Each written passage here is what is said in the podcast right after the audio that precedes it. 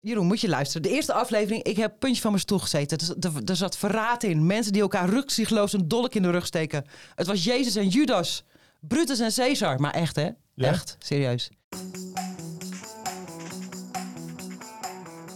Rechtstreeks vanuit de studio, Not My Studio in Hilversum, is dit Wij Kijken Alles, de podcast van tvgids.nl. Wij praten over films en series die je thuis kunt streamen. Tegenover mij zit Irma Thomas Hi. en ik ben Jeroen de Groei. We beginnen zo, maar eerst nog even dit. Heb je een opmerking of wil je ons iets vragen? Stuur dan een mailtje naar wijkijkenalles@tvgids.nl. Irma, wat gaan we doen vandaag? Nou, we beginnen met de belangrijkste serie van deze week, vind ik tenminste. The Last of Us. Dat is eh, er eentje van HBO Max en dat moet een nieuwe mega-hit worden. Het is de vraag of dat gaat lukken of dat het eh, klaar is met zombies. En dan hebben we nog eh, de Super League, de War, of, War for Football. Ja, een paar jaar geleden probeerden een aantal clubs los te breken uit de UEFA en een nieuwe competitie eh, te beginnen. En daar is nu een documentaire op, ehm, waar staat hij ook weer op? Op eh, Apple, Apple. TV eh, uit, over uitgekomen. En daar gaan we het ook over hebben. Dan hebben we ook nog The Menu op Disney+. Plus. En daarin speelt Ray Fiennes een topkok... die het helemaal niet zo goed voor heeft met zijn gasten. Hmm. En we hebben, we hebben het over Suzanne en Freek. Het saaiste muzikale duo van Nederland... heeft een eigen documentaire gekregen op Netflix... en wij hebben hem allebei gekeken. Inderdaad, en je kan ook zeggen het grootste muzikale duo van Nederland. Maar nu, daar, Ja, nu Nick en Simon weg zijn. Daarover later meer. Ja. Ehm, laten we beginnen, maar niet voordat we onze gepatenteerde movie quote quiz gedaan Oh, hebben. Ik heb er nu al zin in. Je kent het concept, hè? Dat is heel simpel. Jij raadt het tweede deel van de quote, een filmquote. En aan het einde van de podcast vertellen we aan iedereen waar de quote vandaan komt. Nou, voor iedereen die de vorige week de hele podcast heeft geluisterd, ehm, die weet al een beetje waar dit heen gaat. Want dit is een favoriete quote van jou, Ja, die je klopt. ook in je dagelijkse Oh ja? leven gebruikt. Wacht, ik begin hè? Ja. Oh, buurman. Wat doet u nu? Check. Ja, heel dit goed. is er eentje die ik elke week wel een keer eh, gebruik, moet ik zeggen. Ja. Dus die was heel makkelijk voor mij. Oké, luisteraars. Aan het einde van de podcast het hoe en waarom. Hoogste tijd voor kort nieuws. Vorige week waren de Golden Globes, belangrijke prijs in Hollywood.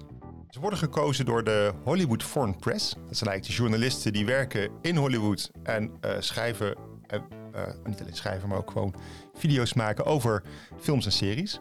Eh, zij kiezen de belangrijkste acteurs, de belangrijkste actrices, de belangrijkste series en films van het jaar. Er zijn ongelooflijk veel categorieën, daar gaan we nu niet helemaal op in. Maar er was één categorie waar ik wel een beetje boos van. Vertel Jeroen. Nou, de beste dramaserie. Jij weet nog niet wie er gewonnen heeft, hè? Nee? Ik lees het even op. Vijf nominaties. Oké. En wie, denk je, wie vind jij? Wie, wie had jij gekozen als je in Hollywood zou werken? Oké. Severance. Apple Ja, TV die zou ik kiezen. Ozark. Nou, die zou ik ook wel willen kiezen. The Crown. Better Call Saul. Ja? En House of the Dragon. Nee. Oké. En wie heeft er gewonnen? Ik denk dat ik wel kan raden wie er heeft gewonnen. House of the Dragon. De opvolger van Game of Thrones is gewoon gestart met een best wel slecht seizoen. Of tenminste, het startte heel goed, het zakte helemaal weg. We hadden er veel meer van verwacht en absoluut niet de winnaar van dit jaar. Nou, daar was ik dus boos over. Hebben ze niet gewoon de duurste serie gekozen? Dat moet het zijn geweest. Ja, de, meest in de war. de meest spraakmakende serie. Nou, ik weet niet. Mike White, de maker van The White Lotus, heeft ook gewonnen. Die was best wel dronken in zijn, eh, zijn speech. Van dankjewel. En nou, hij was heel erg eh, beschonken. Ik denk dat al deze mensen die gestemd hebben op deze categorie, al die Hollywood Foreign Press, ook flink aan de drank heeft gezeten. En het gewoon even het kruisje bij het foute hokje heb- hebben gezet. Ik, dat, dat, kan de enige, dat is de enige verklaring. Enige plausibele verklaring die er is. Hey, en ja, ik heb ook nog spannend nieuws. Nou, vertel. Namelijk eh, het zeer populaire Formula 1 Drive to Survive seizoen 5 heeft een datum gekregen. En wel 24 februari aan de vooravond. Dat is elk jaar zo hoor, dus eigenlijk helemaal niet spannend. Aan de vooravond van het nieuwe seizoen. Maar er is meer, want als je van golfen houdt, zoals ik, Ja? eh, dan eh, hebben de makers van Drive to Survive nu ook een showserie gemaakt over golf. Niet. En die heet Full Swing en die staat nog eerder op Netflix, namelijk op 15 februari. Dat kan toch alleen maar heel saai worden, denk ik dan. Maar goed, je weet het niet.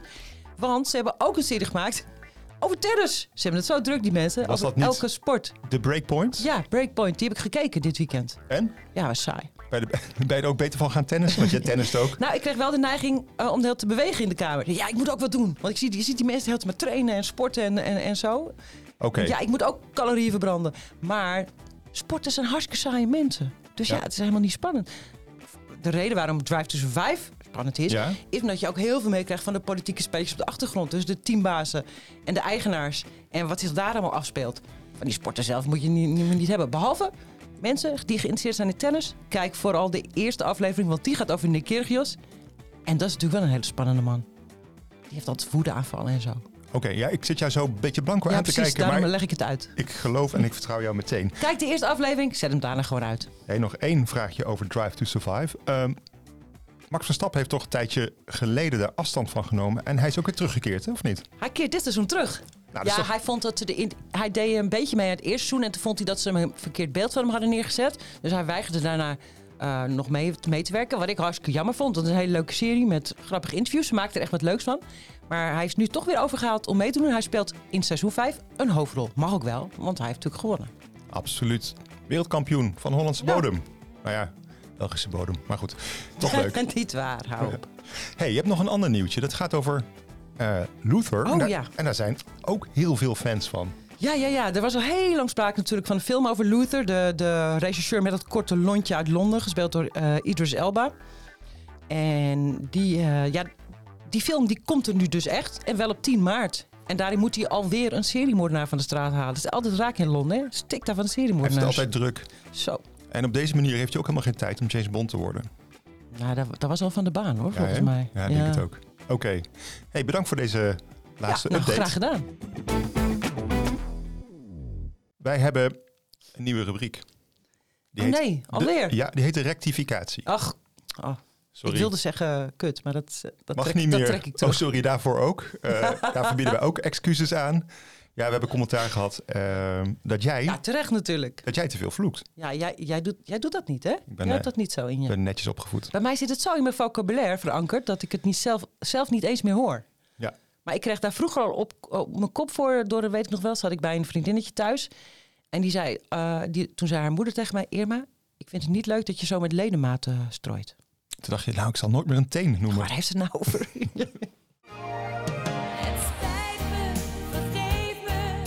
Ik wil mijn excuses aanbieden voor wat ik vorige week zei tegen jou. We hebben vorige week een serie besproken, Totenvrouw, op Netflix. ja. En ik vond er eigenlijk niet zo heel veel aan.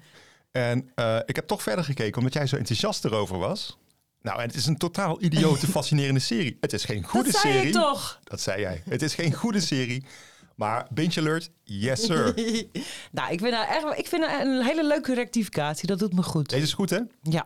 Maar excuses aanbieden en sorry zeggen is heel makkelijk. Eh, want nu ben jij aan de beurt. Oh ja, ik heb ook een eh, rectificatie te doen, hè?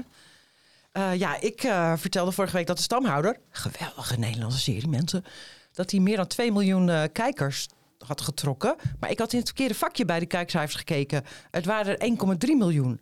Dus ook heel veel. En met uitgesteld kijken is het zelfs 1,7 geworden. Is geen eh, 2 miljoen, maar toch heel erg veel. Nou, ik kan wel zeggen dat het een mega hit is voor een Nederlandse serie. Ja, geheel terecht. Oké, tot zover de excuses van deze week. Volgende week meer. We gaan naar de reviews. Volgende week meer excuses. Dat is wel handig om daar al een voorschotje op te nemen. De eerste serie die we bespreken is The Last of Us. Een grote nieuwe serie van HBO Max. Ik heb deze nog niet gezien, want als wij de podcast opnemen, maandagochtend, pas in de avond komt de eerste aflevering eh, op de streamer. Maar Omdat Irma? ik heel belangrijk ben, heb ik alle afleveringen al toegestuurd gekregen van HBO Max. ja, hè, sterker Ja. nog, jij was bij de grote, eh groot event in de bioscoop voor de eerste twee afleveringen. En de rest heb je thuis gezien. Ja. Hey, vertel, waar gaat de serie over?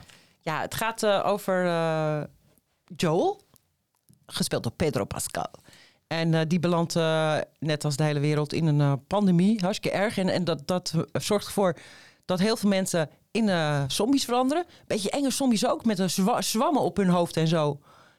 Dus het zijn, zijn zombies die we, die we nog niet eerder hebben gezien. Ik heb dat opgezocht. Ja, Want het is dus een schimmel die je, die je hersens eh, Ah. infecteert, hè? ja. Weet je dat dit, en dat is een heel vies eng verhaal. Ik ga niet helemaal, er zijn ook allemaal Latijnse namen voor en zo. Maar als je dat googelt op insecten, dan zie je dat dat echt gebeurt in de insectenwereld. Er zijn dus schimmels. Oh, dus ze hebben wel echt research gedaan voor deze serie. er zijn Oh, dus is, ja. schimmels die insecten infecteren en die dan hun brein en die lichamen besturen van die diertjes. Eh, sorry, we gaan verder. Daddy. Ja. Nou goed, het is natuurlijk gebaseerd op de gelijknamige game. Heel veel mensen hebben die gespeeld, ik zelf niet. Dus ik heb geen idee. eh, eh, Voor de PlayStation. ja, het schijnt, het schijnt er heel erg op te lijken, deze serie. Die is heel Oké. één op één bijna overgenomen. Oké. Ehm, maar goed, dan, dus, dus Peter Pascal die, die belandt in de pandemie. Dan is het ineens 20 jaar later. En dan woont hij in een... in- ja, steden zijn veranderd in forten. En die worden dan weer eh, beveiligd door een soort fascistische regering.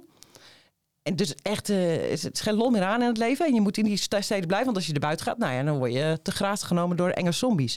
Maar dan eh, komt Pedro de 14-jarige Ellie tegen. En die, sch- die schijnt als enige immuun te zijn voor de zombies Zij is de hoop voor de mensheid. de hoop voor de mensheid. En hij moet haar ergens naar de andere kant van het land brengen, naar een aantal doktoren, die haar dan eh, haar bloed of zo kunnen afnemen en dan een vaccin misschien wel Precies. kunnen Kijk, fixen.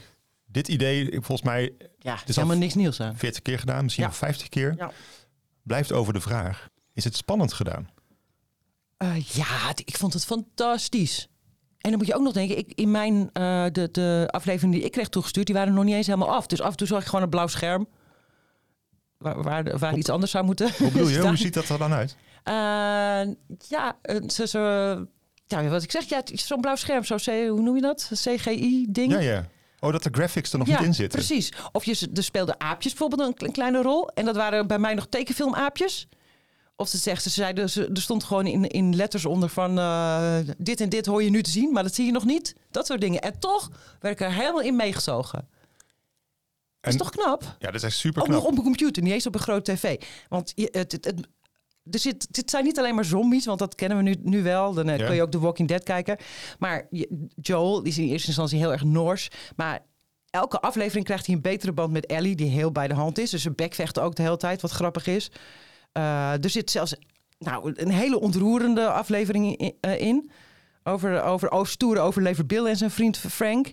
En het ziet er prachtig uit. Alleen al de steden die helemaal overwoekerd zijn door klimop en zo. Het, het is adembenemend mooi, vond ik. En af en toe heb je er ook nog actie, natuurlijk, van de zombies, maar niet te veel. Het is niet dat je, dat je, na, eh, dat je elke vijf minuten eh, enge zombies ziet. Want dan, gaat het, dan, dan schokt het niet meer zo. En nu, als het gebeurt, dan komt het ook extra hard binnen. Het is gewoon heel spannend. Ik was er echt helemaal verzot op. Ik zag dat de recensies heel erg wisselend zijn.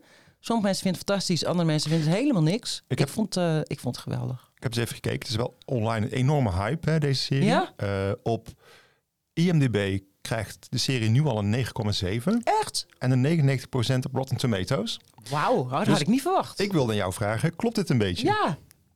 Ja, ik, ik wilde meteen meer. Ik heb ze achter elkaar. Ik zat ook tot s'nachts kwart over twee te kijken en zo. Tot ik wel naar bed moest. Omdat ik de volgende dag weer stukjes moest tikken. Maar anders had ik gewoon doorgegaan. Ik voel een eh binge alert aankomen. Ja, echt. Oké, hier is die. Nou goed, dit was dus The Last of Us. Misschien wel de grote nieuwe hit van HBO Max. Zo goed is de serie in ieder geval wel. Eh, seizoen 1 zal bestaan uit negen afleveringen. Iedere maandag verschijnt er een nieuwe op de streamer. Luisteren we nu een stukje naar de enge trailer. If I'm taking you with me, do what I say when I say it. Got any advice on the best way west? Yeah, go east. You come this far, then you know what's out there. Tijd voor de tweede review. Het volgende gaat jou best wel aan het hart. Dat weet ik, want het is een van jouw grote hobby's om naar te kijken. Eh, voetbal. Ja, en wie niet eigenlijk in Nederland, hè? En dat gaat, deze documentaire gaat eigenlijk over hoe het grote geld voetbal kapot maakt. Nou, Apple TV Plus heeft de documentaire Super League The War for Football gelanceerd. Wat is er aan de hand? Nou, in 2021, april 2021, kwam ineens het nieuws dat eh, de grootste clubs van Europa zich samen zouden aansluiten om de Super League te beginnen. Dat is een hele nieuwe competitie waarbij zij voortdurend tegen elkaar spelen. Zodat je de hele tijd alleen maar eh topduels hebt. Eh, en eh, waar een heleboel prijzengeld eh, te winnen zou zijn. En ehm, dat viel de UEFA koud op zijn dak, want die wisten niks van. Dat is natuurlijk de bond die de Champions League organiseert. En die dacht, ja shit, daar halen onze inkomsten. We raken machtig geld kwijt. Ja, precies. En topclubs. Ja, en dit, ja, zeker. En dit gaat over je ziet hoe de, de. Want er was tegelijkertijd, toen dat nieuws naar buiten kwam, was er een UEFA-conferentie bezig in eh Genève. En deze documentaire gaat over de vier dagen eh, van die, die die eh, conferentie duurt en hoe zich dat allemaal heeft afgespeeld. Ze spreken iedereen, alle hoofdrolspelers, de bedenkers van de Super League, de voorzitter van de UEFA, ehm, eh, journalisten, supporters. het is een heel gebalanceerd verhaal. En het is me toch een potje spannend. Maar echt, want het klinkt ook een beetje saai. Nee, het is Nee? niet saai. Het is niet, eh, het is niet Susanne Freek. Oh. Nee, eh, Jeroen, moet je luisteren. De eerste aflevering, ik heb puntje van mijn stoel gezeten. Er, er, er zat verraad in. Mensen die elkaar rukzichtloos een dolk in de rug steken. Het was Jezus en Judas. Brutus en Caesar. Maar echt, hè? Ja? Echt, serieus. En ik kende die voorzitter van de UEFA nog niet. Dat is eh, Alexander Tjeferin. Ja, je, we- je weet, de, de meeste voorzitters van UEFA, FIFA zijn altijd corrupte eikels. Hij zou wel eens de eerste Niet niet, cor- corrupte eikel kunnen zijn. Wel een eikel, maar niet corrupt. Nee, ook geen eikel. Ook geen Nou, Hij heeft lang niet alles goed gedaan hoor. Eh, maar hij lijkt wel oprecht. En misschien, misschien is hij inderdaad niet, niet, niet corrupt. Het, kan, het zou zomaar kunnen. Hij, was gewoon heel boos. hij kan, ja, heel boos. Ja, maar dat is dus logisch, want het zijn topclubs. Die zouden iets anders gaan beginnen zonder dat hij erbij zou Ja, zitten. maar het erg was, eh, hij was een van de beste vrienden van Andrea Agnelli. Zegt die naam jou iets? Agnelli? Ja, dat is toch een Fiat-tel? Ja, in Ferrari. Ja. En de baas van Juventus. Oh, dat is een hele rijke Hij Italiaanse familie, familie. al Ja. 100 jaar de baas van Juventus. Een van de beste vrienden van Alexander Tjeverin, de voorzitter van UEFA. Hij heeft hem zelfs eh, eh, peetvader van zijn kind gemaakt. En die En die, heeft achter zijn rug om. juist! Oh, Nou, dat is serieus, was erg. Je zag het gewoon gebeuren in die serie. Je zag hem gewoon, dat begrijp ik niet. Hoe bedoel je? nou... Hij belde. Die, die, die, die Severin werd gevolgd op weg naar het UEFA-congres. Toen kreeg hij een belletje van... joh, de, de, de, ik hoor geruchten over een Super League, hoorde die van iemand anders. En de camera stond toen aan. is hij, ja, Agnelli gaan bellen. En toen zag je het gewoon gebeuren. Die Agnelli zei, nee joh, dat zijn geruchten. En eh, ik bel je zo wel terug. Nou, hij belde nooit meer terug. Hij was niet meer te bereiken. En toen zag je het zo langzaam indalen bij hem. Van nee, nee. Oh, wat erg. Het was echt heel erg. Peetvader. Ja, Wat gaat er nu gebeuren? Want dit, Ja. dit plan is van, ik kan me iets van herinneren, ook de fans waren heel erg boos. En Ja. dit, dit plan ging van de er baan. ontstond een- bijna een revolutie. Vooral in Engeland. Waar, ja, die eh, waren echt, echt pist, ja, om het zo maar eens te zeggen. Ja. waar de meeste clubs eh, vandaan kwamen van die Super League. In totaal 15 clubs. En ehm, dankzij die fans is het dus van de baan gegaan. Maar... eh, Even eh, één vraagje? Ja? los van dit, dit, dit broederdrama haast. Waarom waren de fans eigenlijk boos? Want je krijgt er heel goed voetbal voor terug. Ja, dat zou betekenen, want ehm, het is nu zo dat je natuurlijk kan opklimmen hè, van een lagere divisie steeds hoger. Ja, En dat is dan eigenlijk van de baan. Eh, het grote geld gaat alleen maar, wordt verdeeld onder die eh, Ja. grote clubs. De kleinere clubs krijgen niks meer. dus kleine clubs die kunnen alleen maar voorzien in eh, toptalenten. Toptalenten worden weggekocht. En kleine clubs kunnen zelf nooit meer opklimmen. Nee, en dan precies, is ja. Ajax gewoon een kleine club. Ajax, het wonder wat in 2019 gebeurde, dat zou nooit meer kunnen gebeuren. Precies, dus Want spanning, dat, zij ver kwamen in de Champions League. Ja, spanning gaat enorm af hierdoor. En bovendien, eh, want iemand, een, journalist die ervoor was, eh, voor het pla- plan was, die zei van ja, waarom zou je, zoals de Champions League nu, nu is opgebouwd, als je het bekijkt als ehm, eh, eh, een soort blok, blockbusters, dan moet je, zoals de voorrondes van de Champions League nu zijn, dan moet je eerst heel veel B-films door, voordat je een paar blockbusters krijgt, vanaf de halve finale pas. En bij de Super League heb je non-stop blockbusters.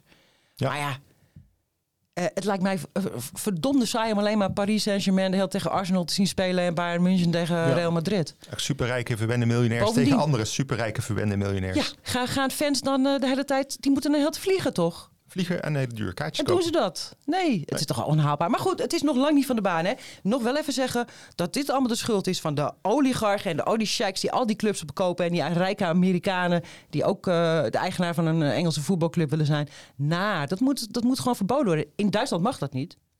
Bayern München is gewoon eh, niet van een rijke sheik, hè? Want dan mag je niet meer dan 49% van een club bezitten.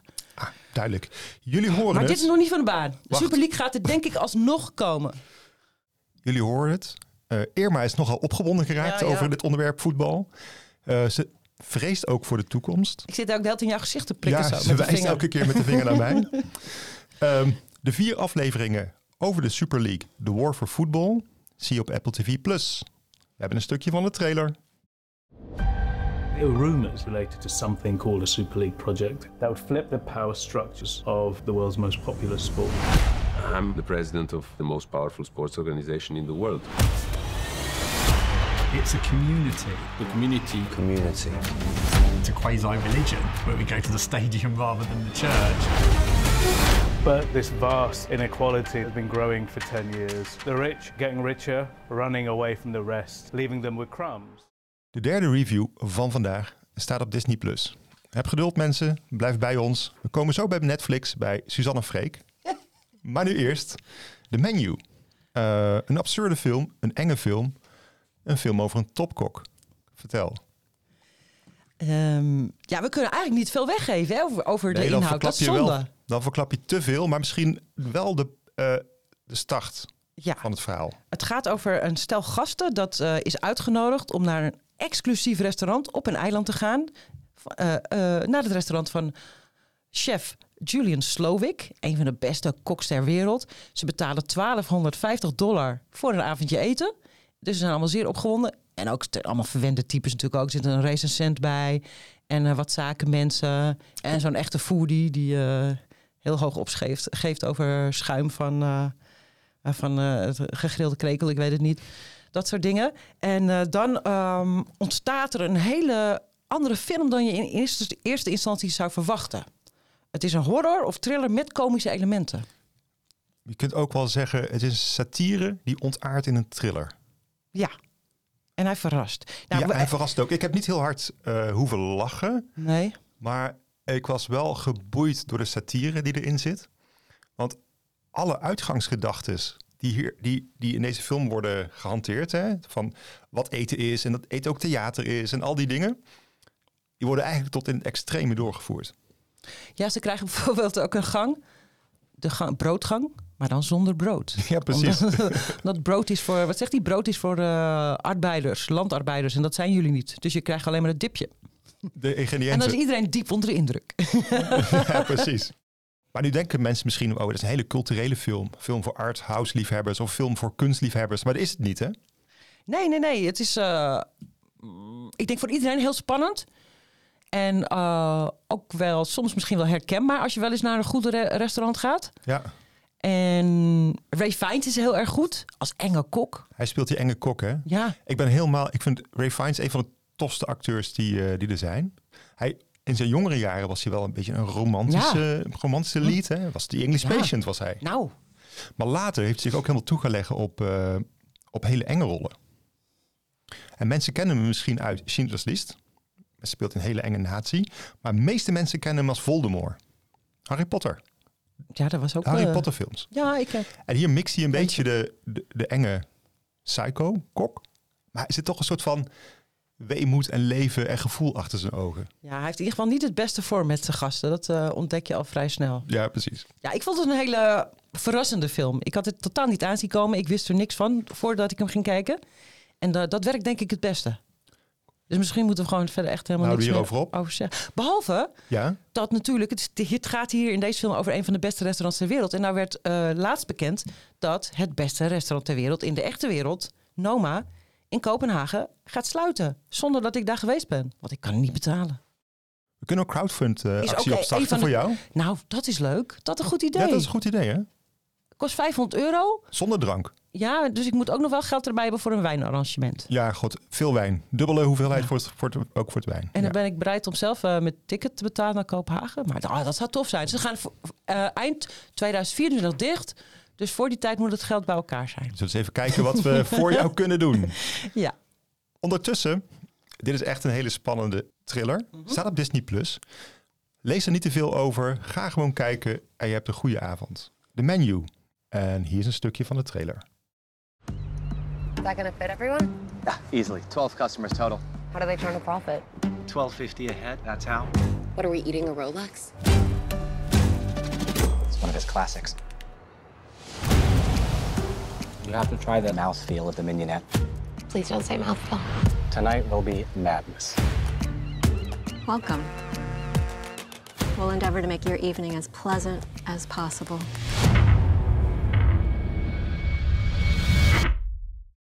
Irma, volgens mij gaan we nu van mening verschillen. En we verschillen niet zo vaak meer van mening, hè? Maar eindelijk hebben we hier dus Suzanne en Freek tussen jou en mij. De documentaire van eh, wel de grootste muzikale act van Nederland. Over de grootste muzikale act van Nederland. En die kwam ook binnen op nummer 1 op Netflix. Wij hebben de docu allebei gezien. Ehm, nou, vertel. Ja, Suzanne en Freek tussen jou en mij. Het volgt eh, een jaar uit het leven van Suzanne en Freek. Die binnen heel korte tijd heel beroemd zijn geworden. Ongelooflijk veel hits hebben gemaakt. Zeer knap, moet ik zeggen. ongelooflijk beroemd, hè? Was je daar niet van onder de indruk? Eh, hoe bedoel je? Grote zalen, Ja, grote, veel mensen, meezingende meiden, veel fans. Ja, Guus Meeuwis krijgt ook eh, het Philipsstadion vol. En dat is ook, mij ook nog steeds een raadsel hoe dat eh, kan. Ja, maar deze twee, of het eigenlijk Suzanne Freek en de band, die, die is een soort, eh, soort katapulttraject. Ja, maar oké, even, even over de documentaire. Ja. Een documentaire heeft drama nodig. Weet je, wel, een, een, een, iets waar het naartoe werkt, een, een climax. Ja. Iets. ja. Heb jij dat kunnen ontdekken in deze documentaire? Nou, daar heb ik over na zitten denken. Kijk, Je zag deze vraag aankomen. ja, want volgens mij, normaal gesproken heb je twee soorten docu's, hè? We hebben ooit eh Selena Gomez, Me and My Mind, besproken. En zij heeft natuurlijk, eh, zij worstelt met depressies en angsten. Dat heeft dus een verhaallijn en een drama. En je hebt fan-documentaires over een kunstenaar, of in dit geval over een muziekact, die gewoon allerlei leuke dingetjes laten zien uit het leven van de artiest. Eh, een beetje over de jeugd, de ouders, de jeugdvrienden, het eerste optreden, het optreden voor Facebook en dan hop, daar naar Ziggo Dome. En dat is vooral leuk voor de fans. Volgens mij is Suzanne Freek, dit is een derde vorm. Ze hebben iets nieuws uitgevonden. Ja, volgens mij wel. Want dit is echt een docu voor de fans, leuk voor de fans. Er zat nauwelijks drama in. Ja, Freek zijn ouders zijn een paar jaar geleden gescheiden. Ja. Oeh. Maar ik kreeg er zo'n fijn positief gevoel van. Echt waar? Ja, ik vind het echt leuk. We hebben meer Suzanne Freek nodig Ik in werd er zo Nederland. zagrijnig van. Waarom? Nou, ik, ik, kan- ik niet tegen zulke saaie mensen. Nee, maar leuke, vervelend. lieve, positieve mensen. Dat Ja. is het. Ja, maar dan moeten ze op kantoor gaan werken of zo. Nee, ik vind nee. De wereld is gewoon echt een. Weet je, eh, op Twitter, op de snelweg, in de Oekraïne. De wereld is gewoon geen hele leuke plaats. En Suzanne en Freek maken er wel weer een leuke plaats van. Wat? En ja, een positieve plaats. Mensen die gewoon lief en aardig zijn voor elkaar. En een soort van geborgenheid. Ja, ik vind het onbegrijpelijk dat Netflix heeft gekozen om een documentaire te maken over deze twee. Twee mensen die niks nieuws te vertellen hebben. Die eh, slaapverwekkend zijn. Die... Ja, ik vond het... Er was dat één schokkend element in? Ik weet niet of jij het daarmee eens bent. Ja. Maar ze hebben op een gegeven moment eh, eerst al... eh, hebben ze per ongeluk een interview met Weekend... waar ze zich kapot van schrikken. Want oh, we praten niet met Weekend... Oh, want eh, we willen ons privéleven voor ons houden. Oké. Terwijl er volgens mij echt geen fuck gebeurt in dat privéleven van ze. En dan hebben ze een interview met 100% NL. Ja. Daar wordt een zeer onschuldige, grappig bedoelde vraag gesteld. Namelijk, joh, je hebt zoiets als een wildcard hè, in een relatie.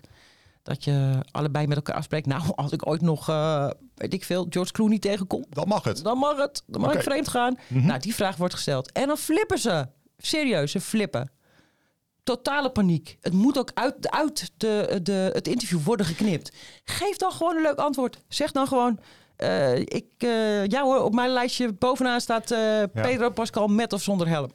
Met Weet ik veel, iets. Ik had... Hoe onschuldig is dat? Ik vond het ook wel een bijzonder moment sowieso dat er uitgeknipt gaat worden. En dat het niet live was blijkbaar. Maar als je dus zo in de spotlight staat. En dat hebben al die grote sterren ook wel een beetje last van. Als je zo in de spotlight staat, je kan je privéleven niet helemaal afschermen. Maar ze, er- ik denk dat het ook misschien iets te maken heeft met het gerucht dat rond hen gaat...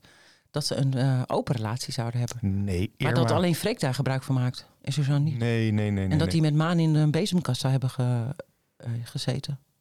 Ja. Nee, maar we kunnen... Denk je niet dat we daarom een beetje, Nee. een beetje mm, nou, zeer ongemakkelijk werden van deze vraag? Nee, ik denk dat wij niet aan geruchten moeten doen hier. Ja, maar ik wil gewoon dat er iets gebeurt in het leven van...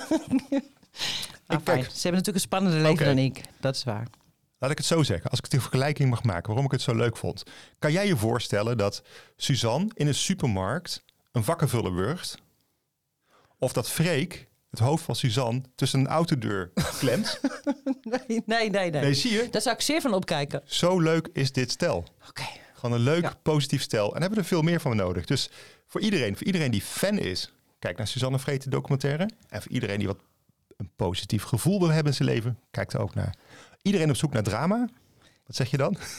Vooral niet kijken. Vooral niet kijken. Ik ben Oké. om, eh, Jeroen. Je hebt me overtuigd. Nou, ik geloof er niks van. Maar goed, de documentaire Suzanne Freek tussen jou en mij zie je nu op Netflix. Ze kwamen binnen op nummer 1. Wat mij betreft terecht.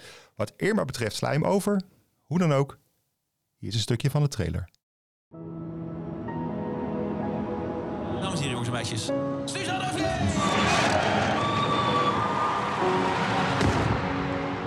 Heel eerlijk, ik denk dat Suzanne Freek op dit moment de grootste act van Nederland zijn. Het leek wel alsof alle bijzondere dingen die je als artiest bijna mee kan maken, allemaal in een maand gepland waren. Ik wil gewoon wat privé is, moet gewoon privé zijn. Dat is het laatste stukje van ons wat nog van ons is. Kun jij een liedje zingen van eh Suzanne Freek? Geen idee. Ook niet na het zien van die documentaire? Er zat heel weinig muziek in. Gaan we nu door, Irma, naar eh, volgende week. Naar welke films en series kijk jij nu al uit? Nou, ik kijk persoonlijk niet zo uit naar That 90 Show. Maar ik denk heel veel mensen wel. Want That 70 Shows was heel erg populair in de 90s. En eh, het was een comedy-serie met lachband en al natuurlijk. En dat gaat nu weer gebeuren. Eh, deze serie speelt zich af in Wisconsin in 1995. Gaat over eh Leah Foreman, de dochter van Eric en Donna uit de originele serie. En zij bezoekt haar grootouders. En die krijgen weer een band met een hele nieuwe generatie kinderen in het plaatsje Point Place. En de, de grootouders worden weer gespeeld.